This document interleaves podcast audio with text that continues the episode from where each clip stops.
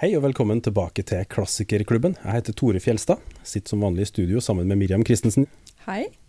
Og i dag så har vi fått uh, storfint besøk fra Oslo. Vi har med oss forfatter Synne Sund Løs. Velkommen skal du være. Tusen takk. Eh, og nå sitter jo vi og spiller inn det her i dagene rett før halloween, men det er ikke akkurat en halloween-arta bok du har tatt med. Hvilken bok er det vi skal snakke om i dag, Synne? ja, det er uh, min favorittbok fra barndommen, 'Anne fra Bjørkeli', som er skrevet av Lucy Maud Montgomery. Som mm. også er favorittboken til veldig mange hundre tusen uh, kvinner og noen menn rundt i verden. Millioner, vil jeg faktisk si. Ja. Ja.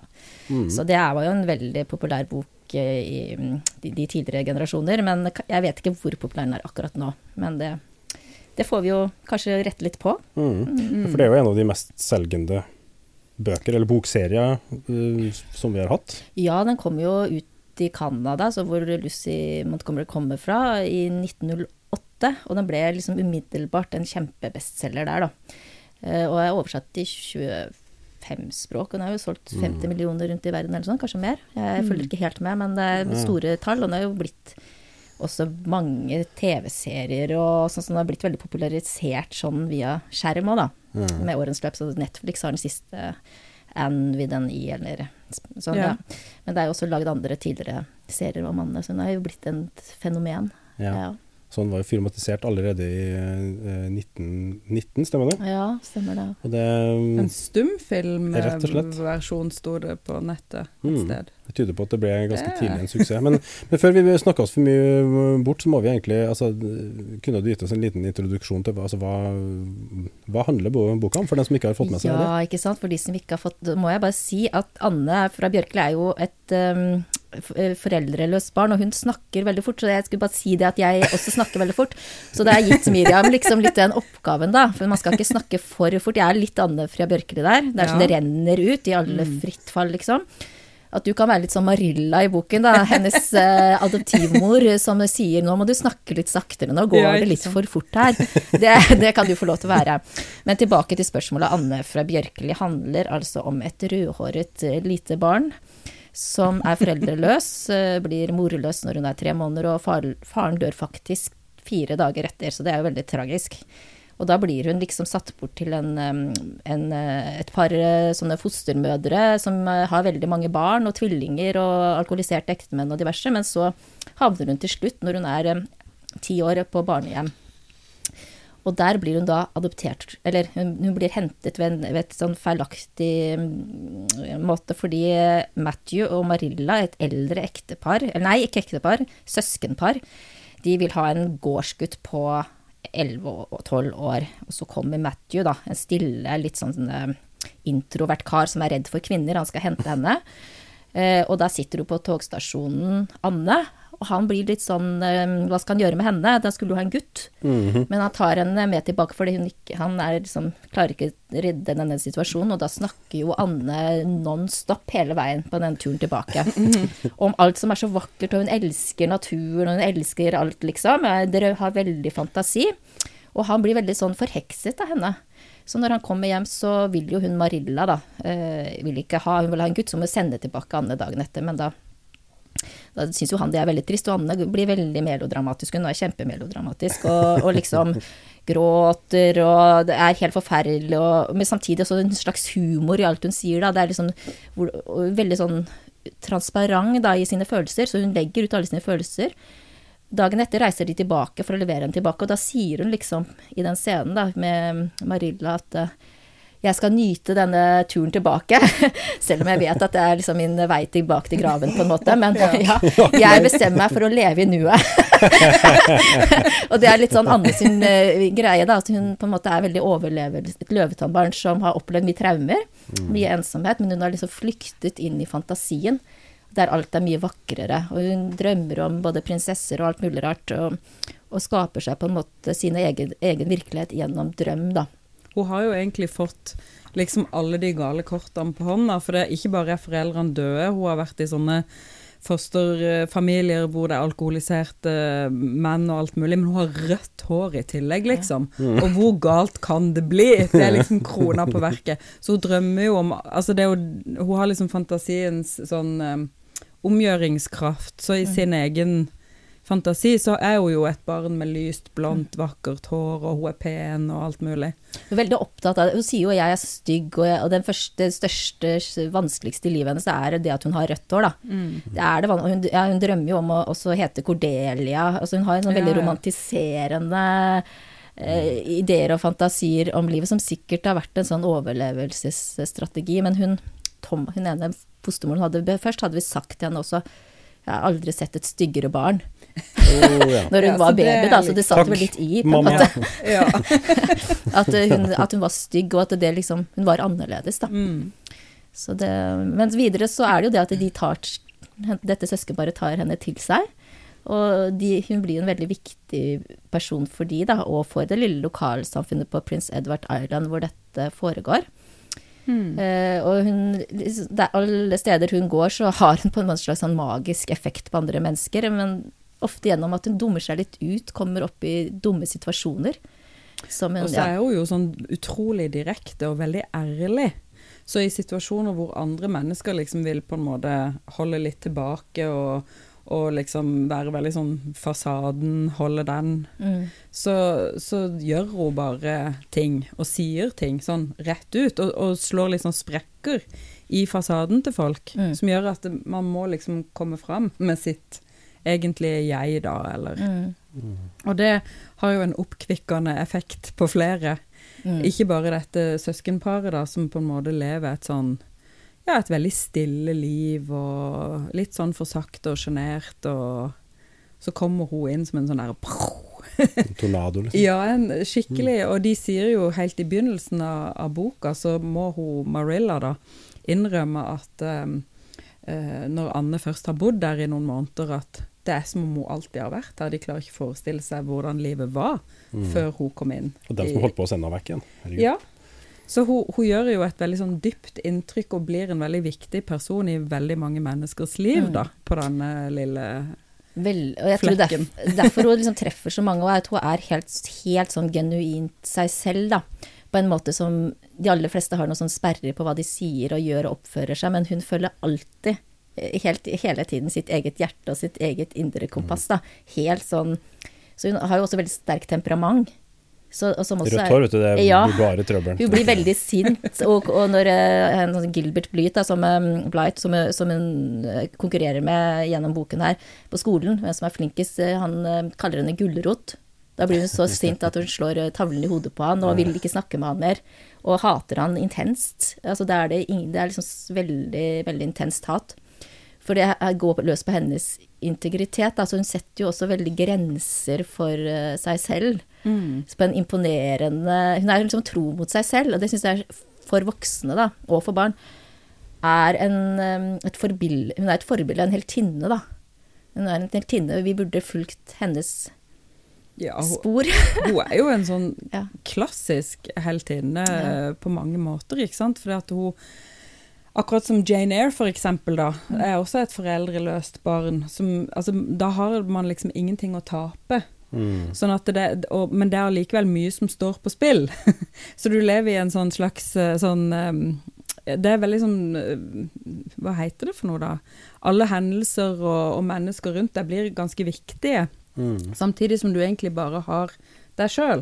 Og det, det er jo eh, Da kan det skje mye bra i litteraturen, tenker jeg Ja. mange vik, altså sånn, hendelser som um, kan settes på spill, da. Altså det står mye på spill Mm. for de personene. Og jeg tenker også at hun Lucy Maud, da, hun var jo også, mistet jo sin mor når hun var 21 måneder. Og faren forlot henne og overlot henne til strenge viktorianske besteforeldre, foreldrene til mor, da. Ja, så det ligger noe selvbiografisk Det i ligger her, noe ja. selvbiografisk der, for hun følte seg veldig ensom i, i barndommen, hun Maud, og dikta opp sånne fantasivenner, akkurat som Anne gjør, da. Og de voks, hun vokste jo opp på samme øya som Anne, hun plasserer Anne i også.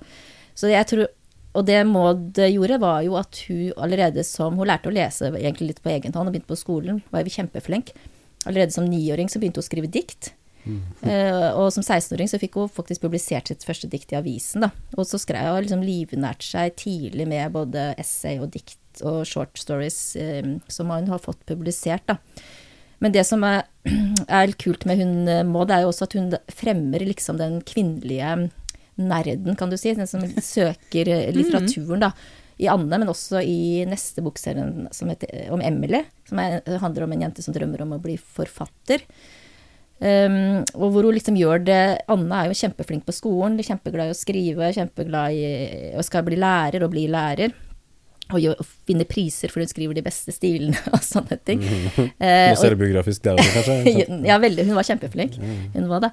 Og det er liksom sånn um, Skrevet i en tid hvor kvinner og utdannelse var på en måte i en slags sånn brytningspunkt, da, hvor retten til i Canada var sånn rett til å få videreutdannelse, høyere utdannelse for kvinner, det var i ja, rundt 1880 eller noe sånt rundt der, det, hvor det liksom ble lov, da og kvinnelig stemmerett i 1917, liksom. Så kvinner mm. var i en sånn brytning hvor, hvor, hvor, de var på vei til å få mer, få en mer sånn tydelig stemme i samfunnet, da. Mm. Og disse bøkene, Anne-bøkene, er også litt sånn feministisk sånn sett, tenker jeg. At eh, Anne lever seg ikke inn i en sånn typisk underdanig viktoriansk kvinnerolle, men er en, en som tar kontroll over sitt eget liv, da. Og hun mm. er jo veldig jevnbyrdig. Med, hun har jo ikke noe respekt for Gilbert, og hun er ikke redd for han, hun mm. hater han, liksom. Mm.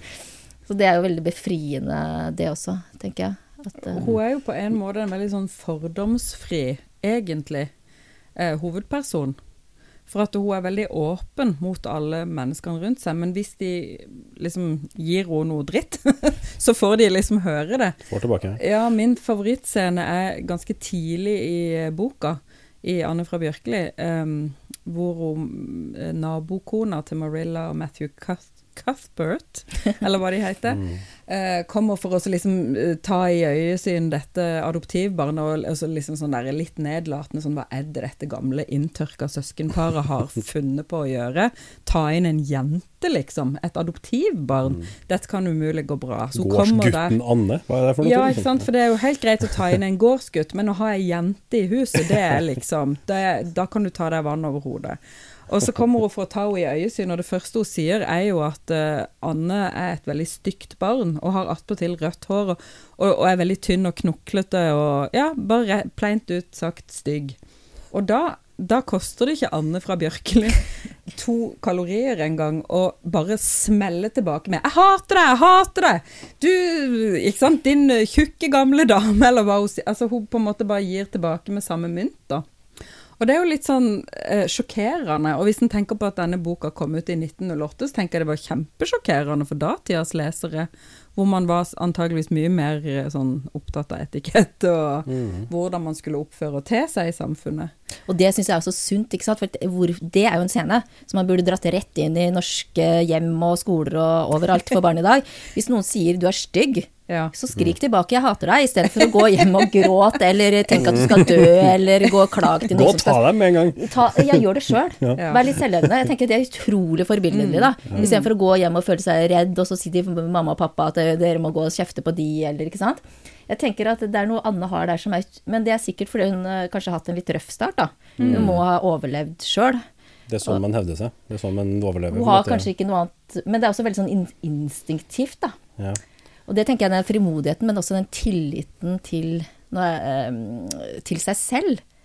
Det, den derre der, um, selvverdet som Anne har, da. At uh, hun har et såpass stort selvverd at hun gir ingen, ingen, som du sa, to kalorier for å si 'jeg hater deg' mm. til en dame som er liksom mye høyere i rang. Uh, enn et barn sier ikke det til en voksen i den tiden, liksom. Men hun tar seg selv så på alvor, da. Mm. Sine egne følelser på alvor. Og det syns jeg utrolig sterkt, egentlig. Jeg vet ikke om det er så mange andre Jeg tror ikke jeg har lest noen barnebøker, eh, faktisk kanskje heller ikke noen voksenbøker, som, med, med en sånn hovedperson som tar sine følelser totalt på alvor som et kompass det er verdt å navigere etter, da. Du snakker jo litt om åssen den altså, passa den boka inn i tida. Jeg prøver liksom å se for meg åssen vil en sånn karakter ha blitt oppfatta hvis, hvis, jeg hadde lest boka i 1908 eller når den kom. Alle elsket den. Ja, men, ja, men jeg tenker, ville jeg hatt det Ville jeg sett på denne karakteren som åh, supert at vi har en liksom sterk uh, jentunge som liksom er, ikke er redd for å vise hva han mener, eller ville jeg sett på det som komisk? Ja, sånn, ja. Jeg tror Det er vanskelig å si akkurat hvordan man går inn i Men den ble ja. umiddelbart en kjempesuksess. Og det mitt inntrykk er at veldig mange ble veldig sånn forelsket forelsket i Anne på en eller annen måte. Mm. Og det er nok fordi hun har en sånn type type selv... Hun har en sånn slags, hele tiden en sånn slags selvrefleksjon rundt seg selv òg. Hun tar ikke seg selv så høytidelig heller, så hun blir på en måte veldig sjarmerende i all sin direkthet. Mm. Den er ikke aggressiv. Når hun skriker til fru Linda at, hun, eh, at jeg hater deg, så, så er det mer for, at det er noe rettferdig det som folk merker, da. Som de liksom forholder Hun er jo ikke aggressiv, hun er veldig snill, snill og god. Mm. Men hun tar bare følelsene sine veldig på alvor, da. Hun blir jo også veldig trist når hun blir trist, veldig glad når hun blir glad, og har jo en fantasi og et språk og en innlevelsesevne som er helt sånn sprudlende, da. Og her tenker jeg vi er noe ved kjernen av dette verket, for det at og kanskje også derfor man har tenkt at det passer for barn, er jo at det, det er jo ikke først og fremst det litterære ved boka på en måte som treffer deg mest, men det er karakteren. Mm. Det er den litterære heltinna Anne som treffer det. Og jeg tror også det var derfor eh, um, leserne trykka, boka til sitt bryst umiddelbart, fordi at den personen Anne er så utrolig treffende, da. Den bare treffer deg på, eh, på tvers av tid og sted og Det var kanskje, det var kanskje befriende annerledes også. Altså, jeg kan ikke se for meg at det, det er ikke en sånn typisk karakter jeg ville forestilt meg fra en bok fra, fra den tida. Nei, jeg, jeg husker i hvert fall når jeg leste den da jeg var sånn ti Jeg leste den boken faktisk daglig i flere år, Uh, så det var jo litt Yes. spesielt. Men uh, den var en slags bibel for meg. Eh, eh, og jeg, jeg er jo adoptert selv, så jeg føler kanskje at det var muligens sånn retrospekt kan man tenke at det var noe jeg identifiserte i meg selv, eh, om det foreldreløse barnet som Og jeg var en lesehest som liksom flykter inn i fantasien, i dagdrømmen, og i den derre følelsen av at eh, livet er herlig, og alt er mulig, og mm, og, og liksom den følelsen Jeg husker at jeg gikk ut i skogen og sånn, og, og lekte at jeg var Anne fra Bjørkeli, da. Og liksom så på naturen og blomster og, og alt på hennes, gjennom hennes øyne litt, på en måte. Eh, Så det var liksom mye styrke å hente i den karakteren, og som man kunne låne av på en eller annen måte. Og hennes mm. liksom håp, da, og tro. eh, Og mm, sant, kreativitet, for det er veldig kreativ. Alle disse tankesprangene hennes er veldig kreative. Hvordan hun liksom ser veldig mange bare i en mørk skog, så ser, dikter jo hun opp eventyr om det både det ene og det andre, og i en vakker dam, så altså hun, hun, fantasien spinner. Eh, og det å fortrylle verden Sånn var også forfatteren selv i sin barndom. Og som voksen, hun hadde også et veldig intenst forhold til naturen. Hvor hun kunne få sånne blaff av sånn ren lykke, da. Som kom til henne fra å se på en sky eller eh, et tre eller noe sånt, da. Og det husker jeg som barn. Det startet jo ekstremt sterkt med det forholdet hun hadde til naturen, da. Har det smitta over, liksom? Er det, altså, Ja. lesningen, har du også det forholdet til Ja, jeg har det smittet veldig over. Det tror jeg faktisk har preget meg fra de, de bøkene siden jeg leste de så daglig i mange år. Du ble liksom oppmerksom på det? Ja, ja og så, så, spesielt på høsten. Da, så når jeg ser på Nå? bladene ja, på trærne, så blir jeg helt sånn ør. Når jeg ser de faller og, og sånn. Jeg blir helt ør. Og jeg, og jeg så ut på, fra flyet nå, så så jeg ut på skyene og rosa pastell og sånn, og da tenkte jeg nå skal jeg se på dette som Anne tenkte, faktisk. Skal leve litt i nuet? Ja, ja. og, og hvor vakkert det er. Og hun ville blitt helt begeistret ikke sant, og henført. Og det, I dagens samfunn så, så skal det mye til å begeistre mennesker og barn og voksne, egentlig. Begeistringen blir liksom forbeholdt til noen som Det er noe litt barnlig ved det. Mm. Eh, Men det tenker jeg, det, det har jeg litt lyst til å beholde. Den der eh, spontane, impulsive begeistringen over eh, detaljer, da. Det hadde Anne veldig, da. Over naturen, over vakker. Solen, liksom. Det er kanskje derfor det har overlevd som en av grunnene til at den har overlevd litt som barnebok, mer som enn en voksenbok. At vi voksne vi har ikke den evnen til å bli henført av et tre. Eller Jo, noen kan det, men Anna Fiske kan det, eksempel. Hun har gitt ut Ja. eh, Og gitt om trær. Stemmer, stemmer. stemmer. Men, eh, men jeg tror det er like, nat like naturlig holdt jeg på å si, å lese boka som voksen som det er å lese den som barn. Nå kan vi jo si bare veldig kort at de bøkene som Synne leste når hun var liten på norsk, de var jo veldig forkorta utgaver av originalen. Så på norsk har man liksom eh, kutta nesten 50% av den originale Anne fra Bjørkeli, og gitt ut på en måte en versjon hvor det kanskje er mest fokus på Anne og dialog og handling og sånt. I den originale uh, uavkorta boka så er det veldig mye naturskildringer og mye større plass til miljøskildringene, da. Mm. Så den første norske utgaven som ikke er forkorta, den kom i 1982. Og så har det kommet en ny utgave igjen i 2014, uh, som eh, begge de to er da basert på den fulle fulltekst-originalen, da. Mm. Og der er, står miljøskildringene veldig sentralt, og, og hvordan liksom man kan lese boka som voksen. Mye mer med også fokus på det politiske og på samfunnet rundt, og beskrivelsen av den lille landsbyen på en måte, og hvilke roller alle de forskjellige menneskene har i forhold til hverandre. Og Mm. hun tegner jo et veldig eh, godt bilde, syns jeg da, av et eh, lite øysamfunn eh, på denne tida. Slutten av 1800-tallet er vi vel på. Mm. Ja, de, hun går Den siste boka er ved første verdenskrig. Ja. Mm.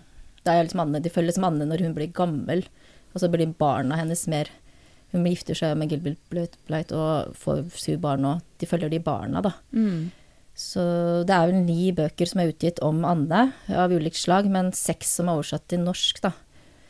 Um, det som er interessant, når jeg liksom har gått litt inn i materien med hun Lucy Maud Montgomery, er jo at hun hun er jo veldig inspirert av, eller Anne er veldig inspirert av hennes barndom på en måte, men Anne er en lysere del av henne selv, og det i 1985 så begynte det å komme ut disse dagbøk, fem bind eh, dagbøker av eh, Lucy Maud Montgomery, som hun skrev fra hun var eh, 15 til hun døde som 67-åring i 1942. Og hun tok livet av seg selv, da. Dagen før så sendte hun det siste, siste manuset til eh, i Anne-serien. Eh, fordi at det som skjedde med henne, var jo at hun på en måte fikk et ekstremt ulykkelig liv som, i et ekteskap da, med en prest som hun giftet seg med, og fikk to sønner. Han ene gikk det ikke så bra med. Sånn at, så, så jeg tenker, har jo tenkt, når jeg har lest liksom om disse dagbøkene som er ekstremt triste på slutten, de siste dagbøkene, som er tra tragedie, liksom.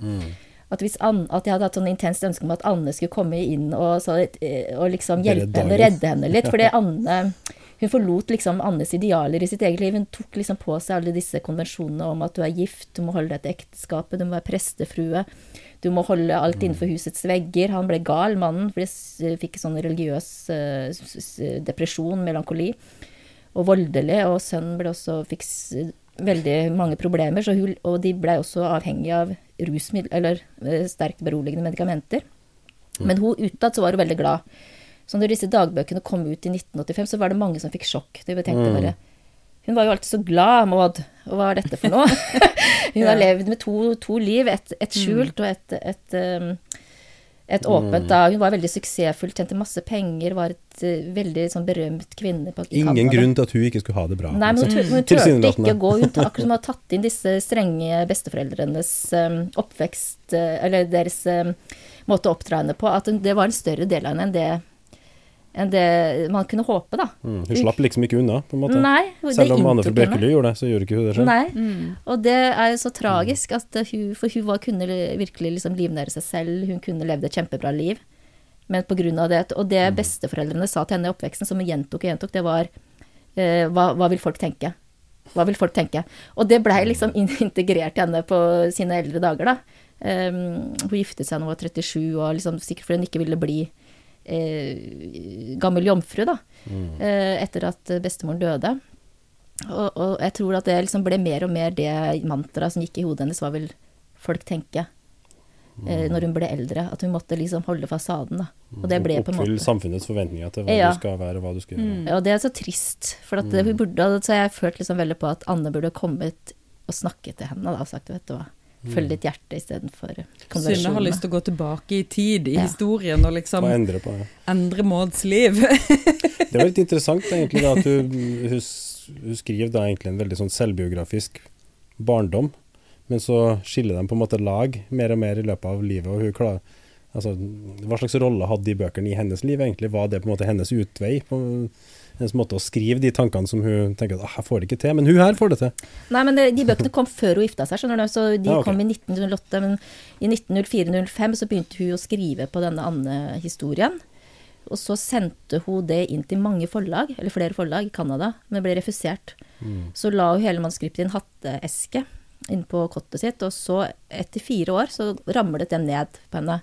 Og da um, tenkte hun dette er jo bra.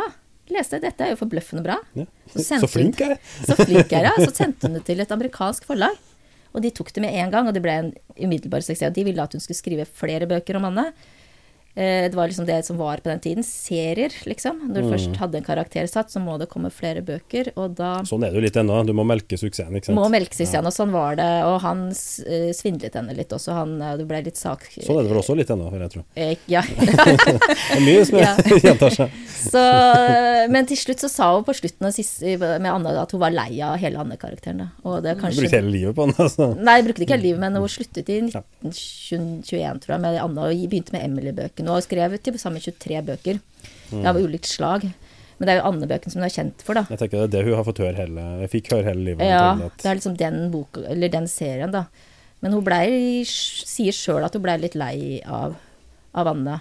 Men den siste boka som hun faktisk sendte inn dagen før hun døde, eller som man tror tok selvmord, den er, The Blights Are Quoted, den er jo en sånn samling av eh, dikt og eh, korthistorier og sånne ting om eh, det, det, det miljøet, da.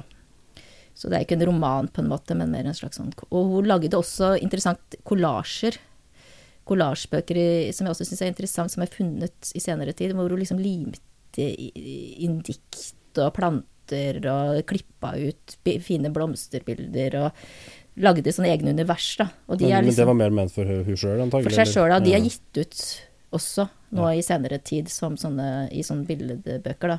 For å forstå hennes Og disse Maud-forskerne, det er mange av de, de sitter og forsker på dette og ser hvor er hun klippet ut dette blomsterbildet, Mm. Ja, og hvor kommer dette diktet fra. Så de er liksom nerdete miljø etter henne. Ja, men det slår meg også som sånn typisk eh, for mange kunstnere, når de holder på med et, et eller annet prosjekt, at du henter inn det som er inspirasjonskildene for å liksom danne et bilde av en karakter, eller av Ja. dit du vil, dit du vil med et eller annet prosjekt. Ja. Liksom. Så hun var veldig romantisk. Hun Kult. var også veldig sånn flørtete før hun traff mannen sin. Hadde mange som ville gifte seg med henne og sånn. Før du traff den gale presten. Ja, og det var en spesielt en hun var kjempeforelsket i, som het Herman Lørd. Og han var hun kjempeforelsket i, men han var litt under hennes klasse. For det var litt sånn klassesamfunn, og derfor turte hun ikke gifte seg med han. Hva vil folk si? Ja, hva vil folk si? Ja, det var det. Men de kysset flere ganger og inviterte han inn på soverommet sitt, holdt jeg på å si. Og, men det var ikke noe mer enn kyss, tror jeg. Men, men det beskriver hun i dagbøkene sine som en sånn veldig person, pasjonert, da. Veldig sånn begjær, på en måte. Og det også har sj- sjokkert mange sånne Maud-fans og sånn Anfira Bjørkli-fans.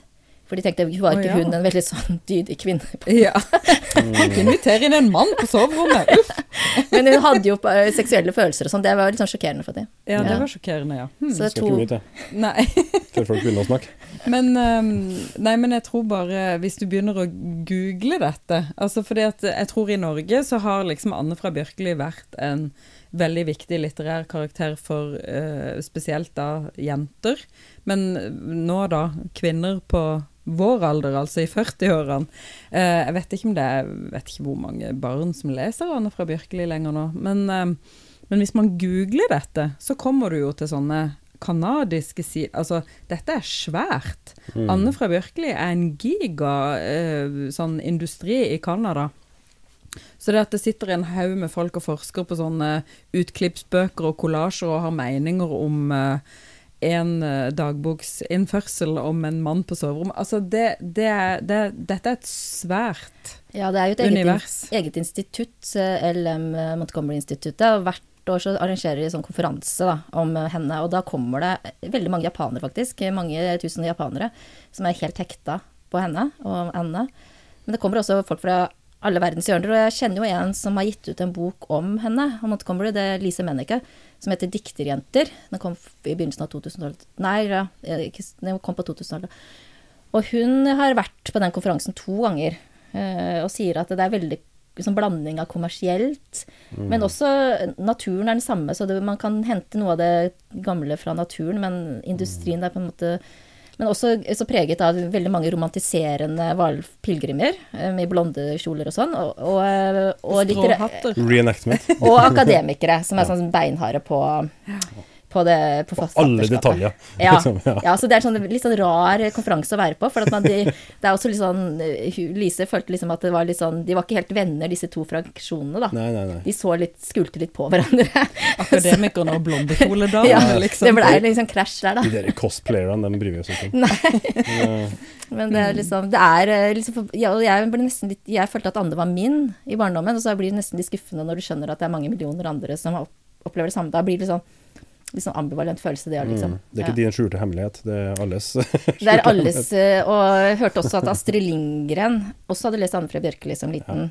Og lekte at hun også var Anne Fred Bjørkeli. Og da tenker jeg kanskje hun ble litt inspirert til å skape Pippi, da. Mm.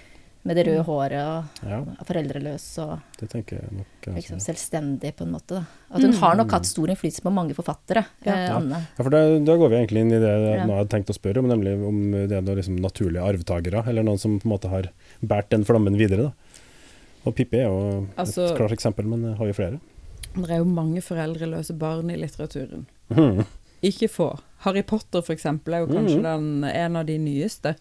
Um, men jeg tenkte jo på Jane Eyre um, da jeg leste Eller Mm. når jeg tenker på Anne fra Bjørkeli, tenker jeg også på Jane Eyre. Som også er en foreldreløs jente. Du tenker jo alltid som- på Jane Eyre, jeg. Jeg tenker nesten alltid på Jane Eyre, men Nei, det er jo en fantastisk roman, ikke sant. På alle måter. Men der er det jo noen likhetstrekk, da. Mm. Det er også dette, den talentfulle um, eh, jenta som, eh, som blir kalt for stygge, kjipe ting, og, og en sånn slags eh, hva, hva er det for noe? Svanunge blant i andeflokken, eller Ja. Mm.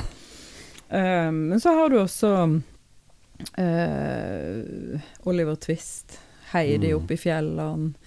Uh, det er mange foreldreløse barn i litteraturen, og det gir liksom en mulighet til å skape et sånt Mm. naturbarn, eller et lykkebarn, eller ja.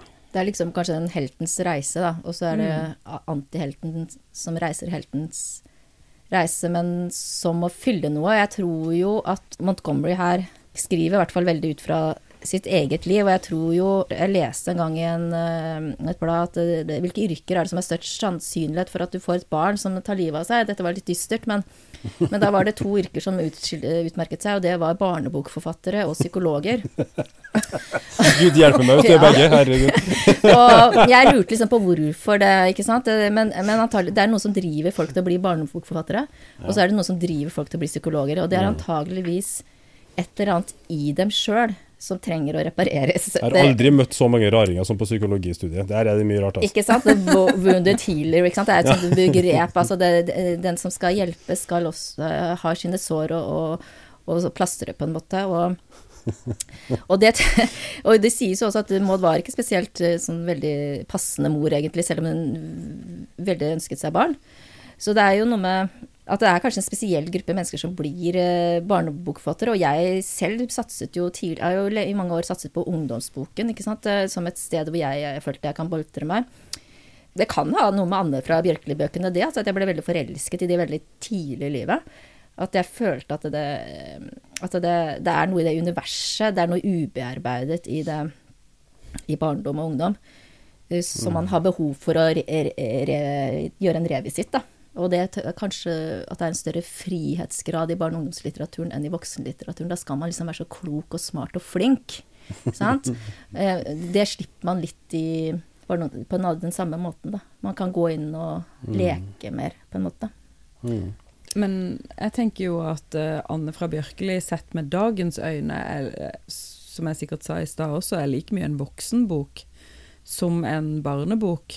Og det virker for meg som at eh, når den ble utgitt i 1908, så var den utgitt med tanke på en allalderleseskare, da. At den kunne både leses av barn og voksne. Og det må jo også ha vært mange voksne som leste den da den kom ut, tenker jeg. Mm. Men uh, Ja, det, ja. ja, jeg har jo lest den, relest den nå.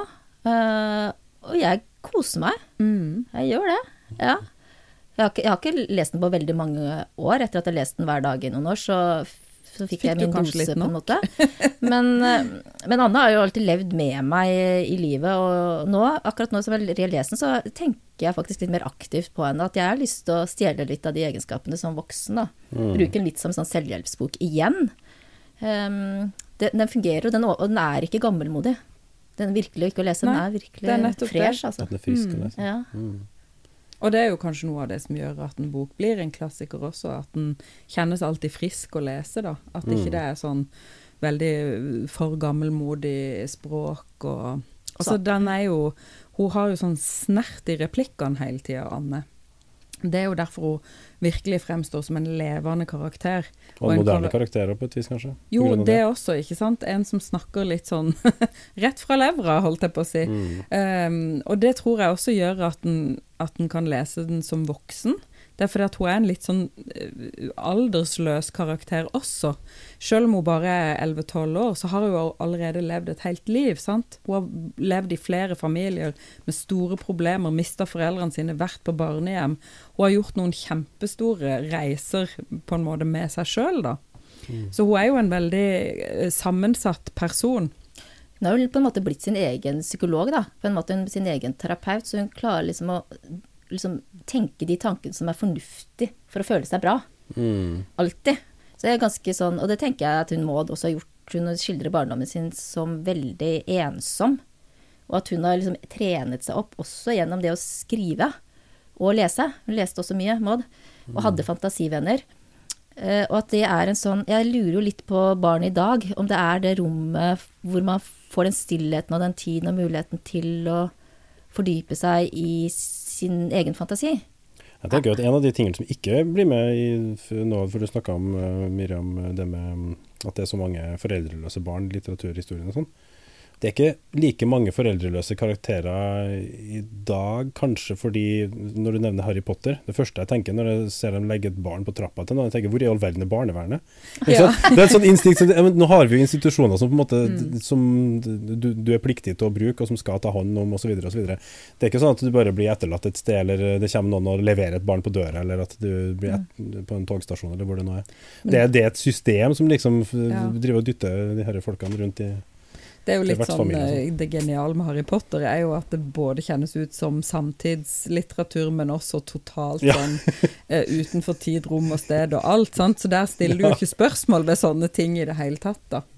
Plutselig kommer det et barn som Moses i en kurv på Ja. det, det, sånn, det, det skjer jo ikke nå, tenker vi. Men, eh, men i Anne fra Bjørkeli så er jo dette helt sånn eh, Her er det jo et system, altså. Det er jo et barnehjem, og det er Men alt blir ordna veldig sånn av mm, på en måte eh, viktige personer i samfunnet, da. Mm. Så det er jo ikke sånn at Altså, det er jo bare en dame som har funnet ut at hun kan gå og hente den gutten som Marilla og Matthew trenger, til gården.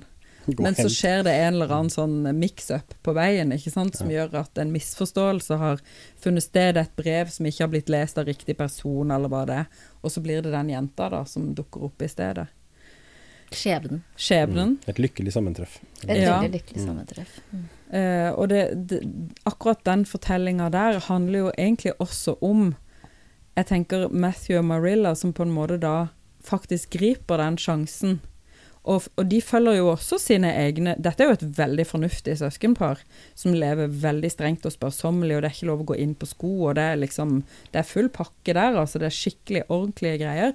Men de, de følger også sine, egen, eh, sine egne følelser og intuisjon når de møter Anne så tar de jo inn.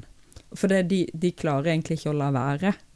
De føler at eh, det er skjebnen de også, tror jeg. Mm. Og det er jo kanskje også noe av det der håpefulle som kommer fram i denne boka. Det der med at det, det kan skje gode ting for deg, selv om oddsen er Mm. totalt imot deg i livet. Og selv om du er et eh, litt sånn uh, eller deprimert uh, søskenbarn la, uh, langt ut på landsbygda, så kan det dukke opp en sånn liten rødhåra frekkas. Eh, som også har store, liksom eh, fantastiske følelser i seg, som, som de kan få ta del i. Altså, det er så håpefullt, da. Ja, jeg tenker altså, Anne er jo så tillitsfull. Hun er sånn beundringsverdig tillitsfull, som også er en sånn egenskap som jeg beundrer veldig ble veldig fascinert av.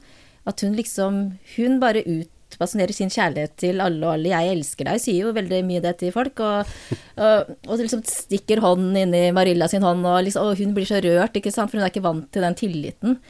Um, og det tenker jeg er veldig mange mennesker som går glipp av mange ting fordi de ikke blir møtt med tillit, da. Og dette søskenparet, de har nok bare levd litt sånn isolert der ute på jordet. Og så kommer det et lite barn som har tillit, og som bare skriker ut at, de, at hun elsker dem. Så blir det jo veldig sterkt. Eh, og de løser det jo på hver sin måte, for Marilla er litt mer sånn litt mer sånn tilbakeholden. Men Matthew han blir jo fullstendig for, forelsket i Anne, på en måte. Og de får et sånn eget Forgapt, vil jeg si. Ja, forelsket blir litt feil, men eh, de får en veldig sånn nær eh, og enkel relasjon, da. eh, hvor han liksom skjemmer henne litt i smug eh, bort, da, mens Marilla er mer streng, så han Hun er litt jo brysk, hun Marilla. ja. Men så kjenner hun seg litt igjen i det der eh, Annes litt sånn direkte og like til måte å si ifra om ting på. For hun har også litt lyst til å si ifra noen ganger, men blir holdt tilbake av liksom konvensjoner og hvordan man bør te seg. Og så kommer Anne og på en måte bryter det skallet. Og det er jo også en befrielse for Marilla. eh, Marilla. Så hun går Så- og humrer litt alene, liksom. Ja, så hun, hun koser seg litt da, når Anne på en måte tråkker i salaten og sånn. Når hun gjør det som vi kunne ha tenkt oss å gjøre, Ja. men blir stoppa fordi hva vil folk si? Nettopp. Mm. Men, men det er også en, en scene helt i begynnelsen av boka hvor eh, eh, altså Anne ønsker seg jo en hjertevenninne, en bestevenn av hele sitt hjerte. Hvem gjør ikke det? Eh, og da bestemmer hun seg bare for at jeg må finne den hjertevenninna. Og så får hun høre da at eh, den nærmeste familien, altså en av nabofamiliene der, der bor det en jente som er på hos sin alder, men de er jo en veldig fin familie. De er rike, og de har liksom barnepike og tjenere, og det er jo langt over Annes klasse og stand. Men hun får allikevel for seg at uh, hun skal bli bestevenninne med Diana, da, som hun heter. Og da skjer det at på det første møtet, når de møtes for første gang, så sier mora til Diana da, det, du kan gå med Diana ut i hagen og se på blomstene. Så går de ut og ser på blomstene. Og da har Anna allerede bestemt seg for at hun er min bestevenninne. Og så får hun til å sverge, da, ta henne i hånda, og så sverger de å være liksom bestevenninner for resten av livet. Det, og det har de bare funnet ut av begge to, da, sånn på første møte. Mm. Og det er litt sånn sjokkerende, sant?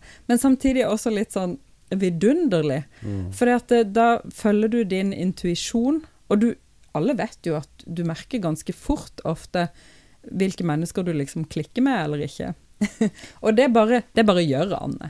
Ja, de står over en bekk også. Eh, når de, Du må gjerne stå over rennende vann Ja. når de Ja, sånn skal er gi sånne løfter om å være venner for evig. så det er veldig alvorlig. Ja, det høres Ja. Og de må si et sånt rituelt sånn 'jeg lover å være aktig' besvergelse av greier. Det er liksom ikke kutte og blande blod, men det er Men sånn noen ting må renne. bra. Hun har laget sånne ideer. Og det er så gøy, for at hun, de skal på en sånn søndagsskolepiknik en, en gang òg. Da, da gleder hun seg i liksom en uke i forveien og er helt, liksom, helt eh, ødelagt av um, forventning. Så hun, har, hun lager så mye sånn derre um, glede på forhånd òg, som jeg tenker Mm. mye Forventninger, det er litt viktig. Ja, liksom at det liksom niste, hun skal ha en sånn nistepiknikkurve med seg. Og den, eh, den, den, når hun får vite at Marilla vil lage den, så blir hun sånn fra seg av lykke. Da. Så det er en sånn å glede seg over sånne ting. Og det syns jeg er deilig å lese om, da, at folk blir liksom sånn Mm. begeistret over Mm. sånne ting som vi ofte selv tar som en selvfølge. Og Ja. veldig små ting som vi tenker er små. Men da er det jo denne barnehjemsjenta som aldri har fått noen ting, og aldri fått gått i en fin kjole. Eh, så når hun kommer til dette søskenparet ute på landet, så syr jo hun Marilla tre kjoler til henne, men ingen av de har puffermer. Og det er jo en stor tragedie, sant? Og det er liksom så utrolig smått på en måte, men på en annen måte så er det litt sånn fantastisk, for det, det betyr at du kan bli glad av, av små ting, og den gleden er veldig stor. Mm. Den, det er ikke en sånn liten tulleglede, men det er en sånn virkelig glede, for det, du har aldri hatt noe. Og det å, å få en sånn ting betyr jo også at noen er veldig glad i det, og setter Mm. pris på det, og ser det, og har lyst til at du skal ha den fine tingen. Så jeg tror hun Marilla syr en eller annen pufferme til henne, eller hun får noen pufferme Nei, det er. Matthew, Matthew han kjøper det Ja. um, i Eller han prøver å kjøpe det i butikken, men han er så sjenert, han klarer ikke Han begynner å bare stamme. Men han går til fru Linde, faktisk, og spør om hun kan sy. Ja. Og hun syr da kjole til Anne. Mm. En veldig vakker kjole som hun får på julaften. Og da begynner hun selvfølgelig fra seg lykke. Beste julaften ever, liksom. ja, og blir Ja. Mm. Så det er jo på en måte eh, Hendelsene i boka er jo ikke liksom de store Altså dette er jo ikke sånn Det er jo kanskje derfor det også blir en barnebok. På mange måter. Det er ikke de der store hendelsene på den måten. Men det er hele den andeskikkelsen og hvordan hun er skrudd sammen, og hvordan hun virker på oss som lesere, da. Som nesten som en sånn liten uh, talisman. En lykkeamulett Mm. å ha Anne. det er vel derfor folk blir så hekta på henne, tenker jeg. Ja, så, ja og hekt, jeg, jeg, tror faktisk hun har hatt mye å si for at jeg begynte å skrive, faktisk. For på slutten av den Anne-boken så er det jo veldig fokus på at hun skal gjøre det bra på skolen og, og få bra karakterer og nerde. Altså det, og jeg tror at det, det at noen Å lese om uh, unge kvinner som, som sitter over bøkene og sånn, og som er veldig opptatt av litteratur, hun er veldig opptatt av å lese, det, var, det, er inspirerende, og det var inspirerende da. Um, mm. Altså det er noe deilig ved sånne karakterer. Som man kunne fått mer inn i kanskje i dagens uh, barne- og ungdomslitteratur òg. Jenter som er leseglad. Mm. For det er hun Lucy har liksom gjort de jentene til, til sine hovedkarakterer, da. Mm. Mm. Biblioteknerdene. Det er altså, lenge leve biblioteknerdene. Det er dem som kommer hit. det er dem vi møter. Men du Synne, mm. uh, du har jo lest uh, alle bøkene i serien om Anne. Uh, hva, hva, er liksom greia med hele serien? Hva er det som skjer i løpet av livet hos sitt? Ja, nå, nå, har jeg relest den første, og ikke de, eh, de resterende. Men det er seks uh, bøker som er oversatt til norsk, og så er det til sammen ni da, som er knyttet til Anne på engelsk. Da. men historien, det som skjedde videre, er jo at vi følger Anne gjennom hennes liv. Eh, også når hun blir voksen og får barn. Hun gifter seg med Gilbert og får barn. Og den siste boka er som sagt om hun Rilla under, eh, første verdenskrig. Eh, og hvordan da er hun veldig opptatt av første verdenskrig, og det var Lucy Maud også i virkeligheten. Hun ble ekstremt deprimert under den krigen. Tok det veldig hardt inn over seg. Hun var nok veldig sensitiv. Og det, sånn psykisk, og det, skildres gjennom uh, den ene sønnen til, uh, til, Anne som heter Walter, som følger ganske mye av Orilla, da, som er oppkalt etter Marilla. Da, um, så den boken gjorde veldig inntrykk på meg også, uh, den siste boken. Og da var det egentlig det at jeg ble veldig forelsket i han eh, Walter, da. Fordi han var så poetisk. Og det var noen i voksen alder som har sagt til meg at han var homofil, som veldig sånn sterkt gikk ut. Og jeg skrev brev til Walter som barn. For, det, for jeg tenkte, og jeg sendte det faktisk til Canada også. Ja da, jeg sendte ut i Lykke og Fromme til Walter. Ja, ja, for jeg tenkte det kommer sikkert et sted. Så jeg var Wow. Nå er det et eller annet sted på et postkontor i Canada, så har ja. de det brevet på veggen. Sånn, for det, eh, hvor skulle det, liksom? Og det var liksom? veldig tårevått, det brevet, skal jeg love ja. deg. For jeg var kjempeforelsket, og jeg visste jo at han var død. Men jeg tenkte at kanskje ikke, liksom. Jeg håper du visste det også var en litterær karakter. Det var, det var litt mindre det, det, det, som var verst for meg, var at han var død. han døde i krigen, for han, han ofret seg for nasjonen, selv om han ikke ville. Eh, og han var jo veldig veldig følsom, Walter, og, og, skrev dikt, og derfor folk trodde og tolket at han homofil. Det syns jeg synes er en feil slutning å ta. Det må være mulig å skrive dikt og være sensitiv uten å være homofil. Det er ikke noe galt med å være homofil, altså. men man bør ikke liksom, fortolke ting ut fra sånne stereotypiske ideer, da, tenker jeg. Det tenker jeg er feil. Så nå har jeg tatt han tilbake igjen som min uh, ulykkelige kjærlighet. Din litterære kjærlighet, liksom. Min første litterære kjærlighet. Og, min, uh, og, han gråt jeg faktisk veldig mye over når han døde da, på slutten av den boken. Jeg syns det var mm. ufattelig tragisk da, at han måtte dø, da. Du har virkelig levd deg inn i de bøkene når du leste de som barn? Ja. ja. Veldig. Virkelig. Ja. Mm det sier jo noe, da, om den, uh, om den historiefortelleren som Lucy uh, Montgomery er, tenker jeg. Altså at hun virkelig klarer å dra inn leseren på den måten. Mm. At Synne faktisk har skrevet et brev til en fyr som ikke fins i Canada. Ja. Fordi det var så tragisk at han døde. Kanskje de har bunkevis med sånne brev i, var, på jo, postkontoret på Prince Edward Island. Ja, jeg var jo veldig eller, kristen og sånn. Jeg er jo fortsatt kristen på en måte, men um, Eller på en måte. ja.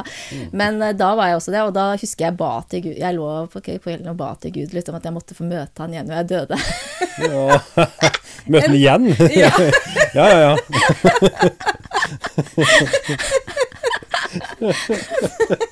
jeg tror aldri jeg har vært så, så forelsket blir man som barn.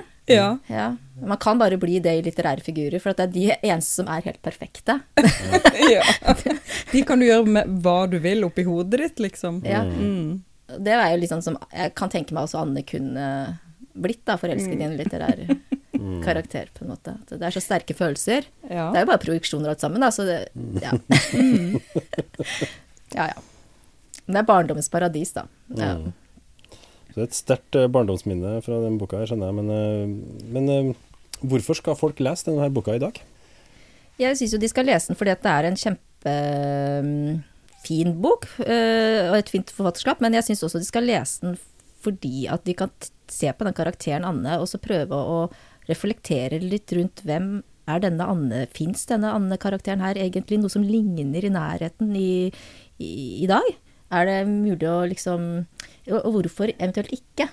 Uh, jeg mm. tror um, jeg vil gjerne prøve å ta mer av hennes, uh, hennes livssyn og, og, strategi, livsstrategi inn i mitt eget liv. Nå som jeg har lest den igjen, så tenker jeg at det er masse, masse, masse å lære av henne. Så, sånn sett så tenker jeg at det er mye sånn mye god selvhevdelse, mye god selvivaretakelse, mye god selvaksept, som er en mangelvare blant eh, folk i dag. Mm. Eh, i, og det er mye humor. Eh, og det er også et slags viktig våpen for å overleve. Å ha et slags eh, litt sånn distansert, men også nært forhold til seg selv. Den der balansegangen er helt genial i den boken, syns jeg. Mm. Ja, og så er det jo det litteraturhistoriske også, tenker jeg at uh, hun er kanskje en av de mest sånn kjente uh, jentebokskikkelsene vi har. Mm. I tillegg til en del andre veldig sterke litterære karakterer, som f.eks. Pippi, da, og, mm. og, uh, og flere. Um, og så er det Hun er også kanadisk. Jeg vet ikke Altså, vi har jo en del sterke kanadiske uh, forfatterskap, sånn samtidsforfattere, men, men jeg kan ikke så mange av de historiske, så jeg tenker hun Montgomery er liksom representant for en, en mm. del av verdenslitteraturen, da mm. sånn sett. Og så er det jo også det med kvinnesak og, og, feminismen og stemmerett, og det er jo akkurat i denne tida her hvor denne boka kommer ut. Uh, og blir uh, kanskje en viktig sånn stemmeretts... Uh, mm. Altså ikke at hun nødvendigvis ble mm. brukt som det, det vet jeg ikke, men, men, det er jo en interessant tid, da. En mm. interessant epoke. Jeg syns også at det indre liv, da, som er en stor del av denne boken. Det, verdien av å ha et indre, rikt liv.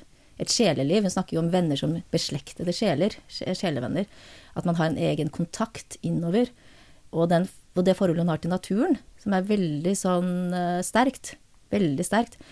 Det tenker jeg er noe som er kjemperelevant i dag. At man kan føle seg i, i, i, Føle på ulike følelser i å være i naturen. Å være for mm. seg selv forholde seg til sine egne følelser. Det, og litteratur. Den handler jo om ting som egentlig er litt utdøende i dagens samfunn. Altså Vi skal være så flinke og gjøre det så rett og allting. Og hun går litt motsatt vei. Hun går inn mot sjelen. Mot, uh, mot ånden, da. Istedenfor uh, psykologien. Eller mm, Det tenker jeg. Det mm. trenger barn og ungdom i dag. Da blir det kjempemye Da får de det bedre. Ja. Den ultimate selvhjelpsboka, liksom. Jeg tenker det er ultimate selvhjelpsboka, faktisk. det er Anne fra Virkelig. Ferdig med det. ja, det tenker jeg. Helt fantastisk. Eh, jeg tenker vi kan la det stå som uh, sluttpunkt på denne samtalen. Så må jeg bare si igjen tusen hjertelig takk for at du ville komme i studio. Synne. Ja, takk, Synne. Tusen takk for at jeg fikk komme. Mm. Og takk for at du hørte på.